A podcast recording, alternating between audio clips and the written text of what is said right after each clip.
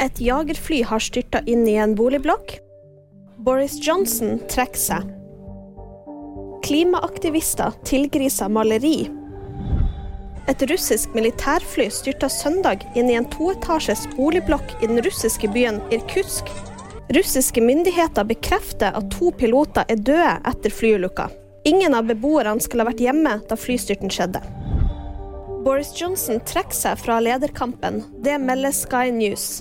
Etter at Liz Truss trakk seg tidligere denne uka, var det venta at tidligere statsminister Johnson ville stille som kandidat for å overta ledervervet i det konservative partiet. Før nyheten om at Johnson trakk seg, lå det an til en duell mellom han og tidligere finansminister Rishi Sunak. Så langt har Sunak fått flest stemmer.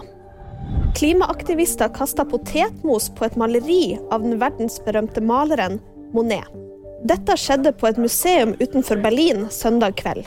Hvor ødelagt eller skada maleriet ble, er ukjent. Det sa en talsperson for museet. Hendelsen skjedde ca. en uke etter at to klimaaktivister kasta tomatsuppe på Vincent van Goghs maleri 'Solsikker'. Og VG-nyheter det fikk du av meg, Live Auskar.